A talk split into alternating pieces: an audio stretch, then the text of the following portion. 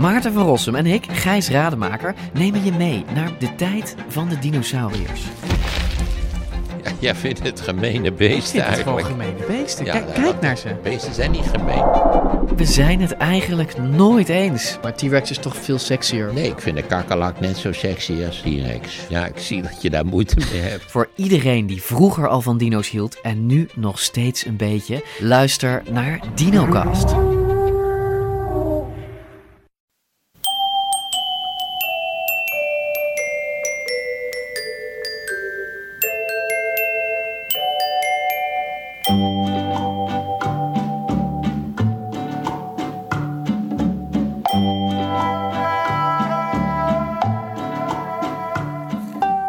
Bij aflevering 81 van de Echt Gebeurd podcast. Bij Echt Gebeurd worden waargebeurde verhalen verteld door mensen die ze zelf hebben meegemaakt. Deze week is dat een verhaal van Esther Porcelein, verteld in Theater Walhalla in Rotterdam. Het thema van de middag was een nieuw begin.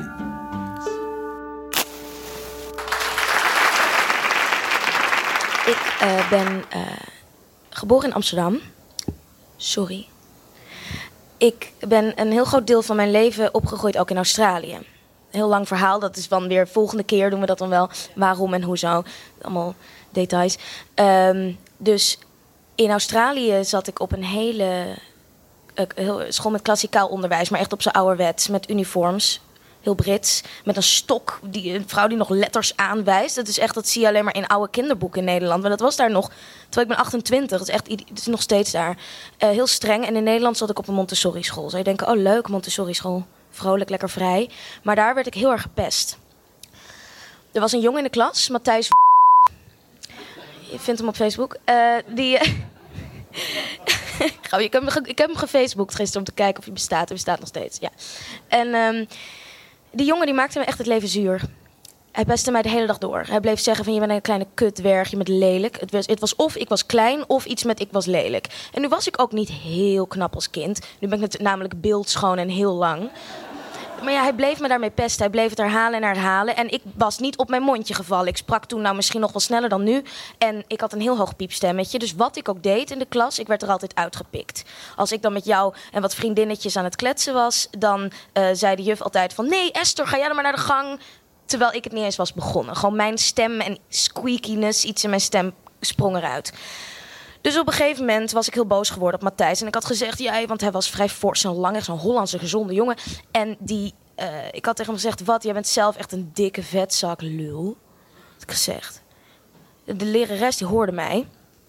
En die zei tegen mij, eh, van Esther, kom jij eens ogenblikkelijk hier.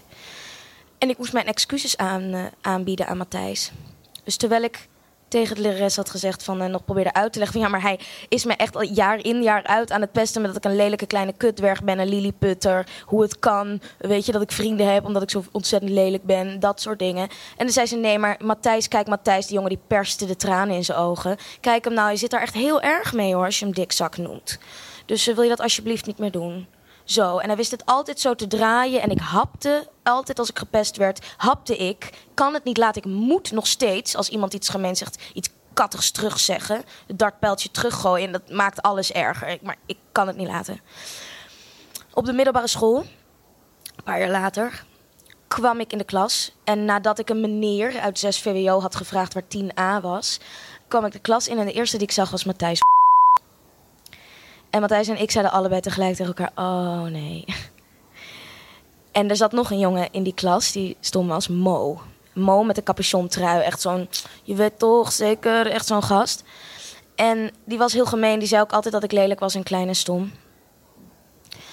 En zij bleven mij pesten. Ze hebben me ook samen echt op de gang in elkaar geslagen op een gegeven moment zonder dat iemand het door had. Ze wisten het te verbergen. En ik zat ook op de meest vreselijke school, het Hervormd Lyceum Zuid in Amsterdam.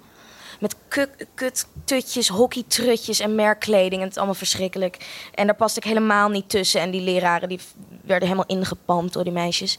Dus nie, en jongens, dus niemand deed er iets aan. En ik werd steeds bozer en steeds verdrietiger. En het ging heel slecht. Ik wilde niet meer naar school. Ik eh, kwam elke dag thuis huilend. En ik vertelde nooit aan mijn ouders hoe erg het precies was. En hoe erg het echt was eh, op school. Mijn ouders wisten het wel een beetje, maar niet hoe veelvuldig het voorkwam en hoe vaak ik volledig werd uitgescholden op school. ik werd heel vervelend tegen mijn ouders. Ik kreeg altijd ruzie met ze. Ze stonden op het punt echt om naar mijn, mij naar een internaat te sturen. Ik had elke dag ruzie met ze. Deuren slaan. Ik kreeg pakken slaag van mijn vader. Het liep helemaal uit de hand. En op een gegeven moment kwam ik huilend van school. En toen heb ik mijn moeder verteld hoe erg het was. Dat Matthijs mij elke dag nog steeds pest. Dat Mo mij op de gang belachelijk maakt. Dat ik elke dag in de pauze opmerkingen naar mijn hoofd geslingerd krijg. En dat ik totaal niet mezelf kan zijn op school. En dat niemand van de docenten het door lijkt te hebben. Terwijl het echt uit de hand liep. Dus wat deed mijn moeder? Die ging naar mijn mentor. Dat was toevallig mijn geschiedenisleraar. Ze heeft uh, hem uh, uh, opgebeld. En gezegd van nou ja, zo en zo zit het met Esther, dit en dit. En die man die sprak mij de volgende dag aan. En ik moest met Matthijs, moest ik samen bij hem in het lokaal komen. Dus ik zat met Matthijs in dat lokaal. En hij zei van, nou ja, ik heb gehoord dat uh, jij uh, Matthijs Esther heel erg pest. Matthijs ontkende natuurlijk, ontkende die. En toen zei hij het allerstomste wat ik kan doen. Zei hij, ja, want de moeder van Esther heeft contact met mij opgenomen. Oh, echt, gast. Ja, en, en dat zei hij. En ik werd ook in het moment boos. Ik keek hem zo aan van, wat doe je, wat doe je, wat doe je? Dus Matthijs keek mij verwoestend aan. Oh ja, heeft ze gebeld? Oh ja. Goh, wat vervelend. Nee, het spijt me heel erg. Nee, dat is allemaal echt een misverstand. Nee, dat is nooit de bedoeling geweest. Natuurlijk is het niet de bedoeling geweest. Zo ben ik helemaal niet. Oh, vervelend, Esther. Sorry, excuses, excuses. Ik kwam op de gang. We waren echt nog niet eens een seconde op de gang. En hij keek mij verwoestend aan en zei... Esther, nu zal ik je leven tot een echte hel maken. En dat deed hij ook. Hij sloeg me in elkaar. Hij pestte me. Hij bleef zeggen dat ik een lilliputter was. Ik kreeg op een gegeven moment een vriendje. Die was 2 meter vier en een professionele basketballer. Dat was mijn eerste vriendje. En we waren ontzettend verliefd op elkaar. En hij zat op de foute Gerrit van de Veenschool, wat een beetje de ASO-school is. Wat niet echt zo is, maar dat was dan zo in Amsterdam. En daar zat hij op en hij was heel verliefd op mij en ik op hem. En hij zei mij van, oh, maar juist leuk dat je zo klein bent. En, en hij vond mij mooi. Echt iets wat ik nog nooit, behalve van mijn moeder. Maar moeders vinden hun kinderen altijd mooi. Dus dat zegt niks. Dus ik had ze mooi ik was heel erg gevleid en het gaf me zelfvertrouwen. Maar op school bleef ik een ander iemand. En Mo, de capuchonjongen met de, met de coole sportschoenen... die zei op een gegeven moment zei die tegen me... wat heb jij een vriendje? Is hij blind of zo? En het, dat soort dingen staken mij zo erg en het bleef mij steken. En het werd erger en erger. Nou, met dat vriendje zoen in de portiek.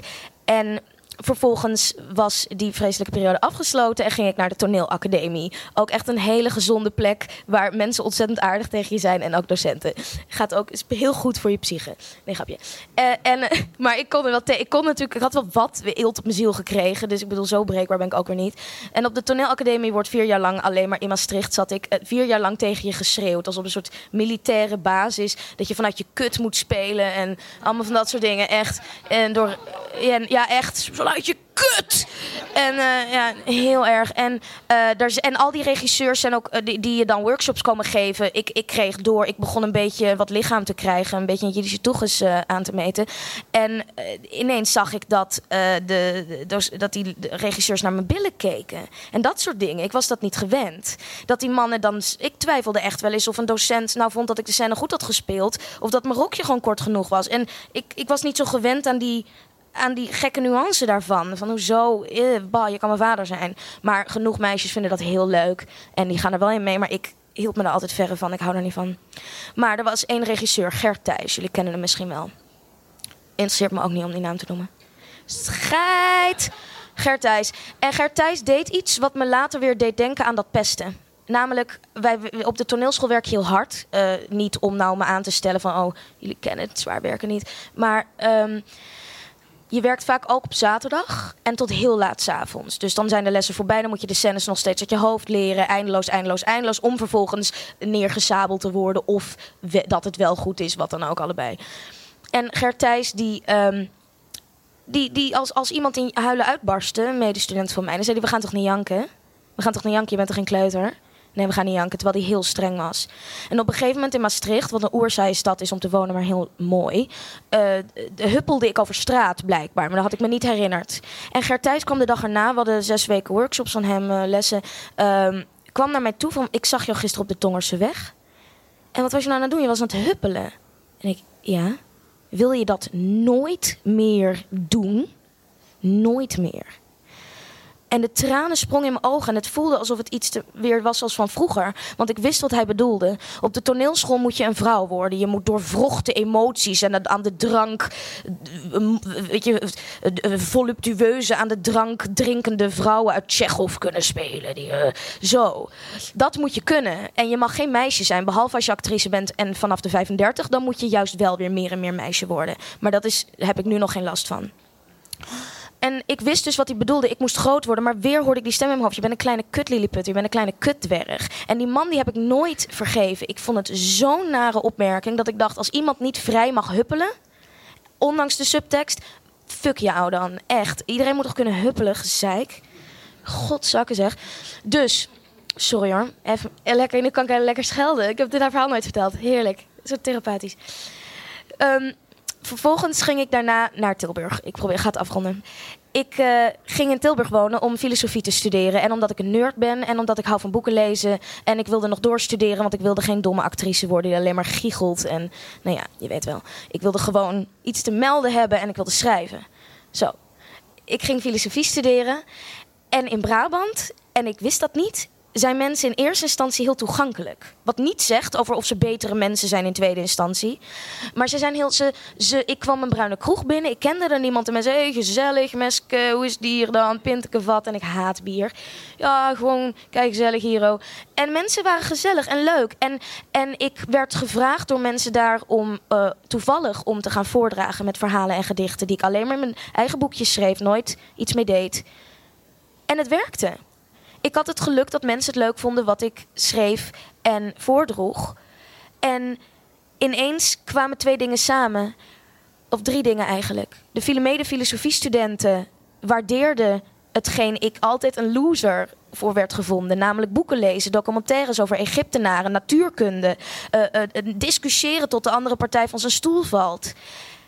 En het allerpersoonlijkste wat ik kon doen, mijn eigen verhalen voordragen, werd gewaardeerd. En de keerzijde is dat ik natuurlijk nu, als iemand mijn verhalen niet goed vindt, dat ik mezelf nog steeds lelijk vind. Maar daar leer ik aan wennen. Dat is de keerzijde van eh, een beetje succes hebben en gewaardeerd worden. En dat hoort bij het artiestenleven. Er is binnenkort een schoolreunie van de middelbare school.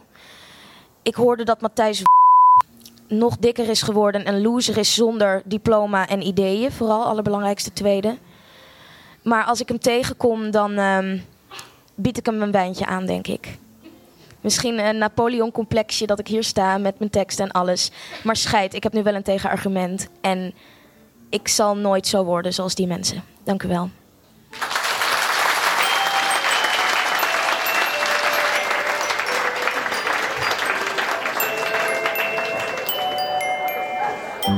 Dat was Esther Porselein. Behalve theater maakt Esther ook gedichten en schrijft ze verhalen. Ga even naar www.estherporselein.nl om van deze artistieke duizendpoot meer te weten te komen. Echt gebeurd wordt iedere derde zondag van de maand opgenomen in Toemler onder het Hilton in Amsterdam. Heb je zelf een bijzonder verhaal te vertellen of wil je er gewoon een keertje bij zijn? Ga dan naar echtgebeurd.net. Daar kan je je ook inschrijven voor onze nieuwsbrief. Echt Gebeurd komt tot stand met steun van het Stimuleringsfonds Comedy Train en onze redactie bestaande uit Paulien Cornelissen, Saskia van der Jacht, Rosa van Toledo en mijzelf, Micha Wertheim. De techniek is in handen van Nicolaas Vrijman. Maar ook u, beste luisteraar, kunt ons helpen. Door zelf een verhaal te vertellen, geef je op via de site. Of door ons iemand te tippen die goed kan vertellen. Of door gewoon een goede waardering te geven op iTunes. Dat klinkt misschien wat suf, maar het is voor ons echt de beste manier om meer luisteraars te werven. En meer luisteraars betekent meer vertellers. En meer vertellers betekent meer podcastafleveringen zoals deze. De volgende Echt Gebeurd is op maandagavond 3 november in de Meervaart in Amsterdam. Een bijzondere Echt Gebeurd ter gelegenheid van het Amsterdam Storytelling Festival en ook dat is te vinden op internet. Dank voor het luisteren en vergeet niet, wat ze ook zeggen, blijf huppelen.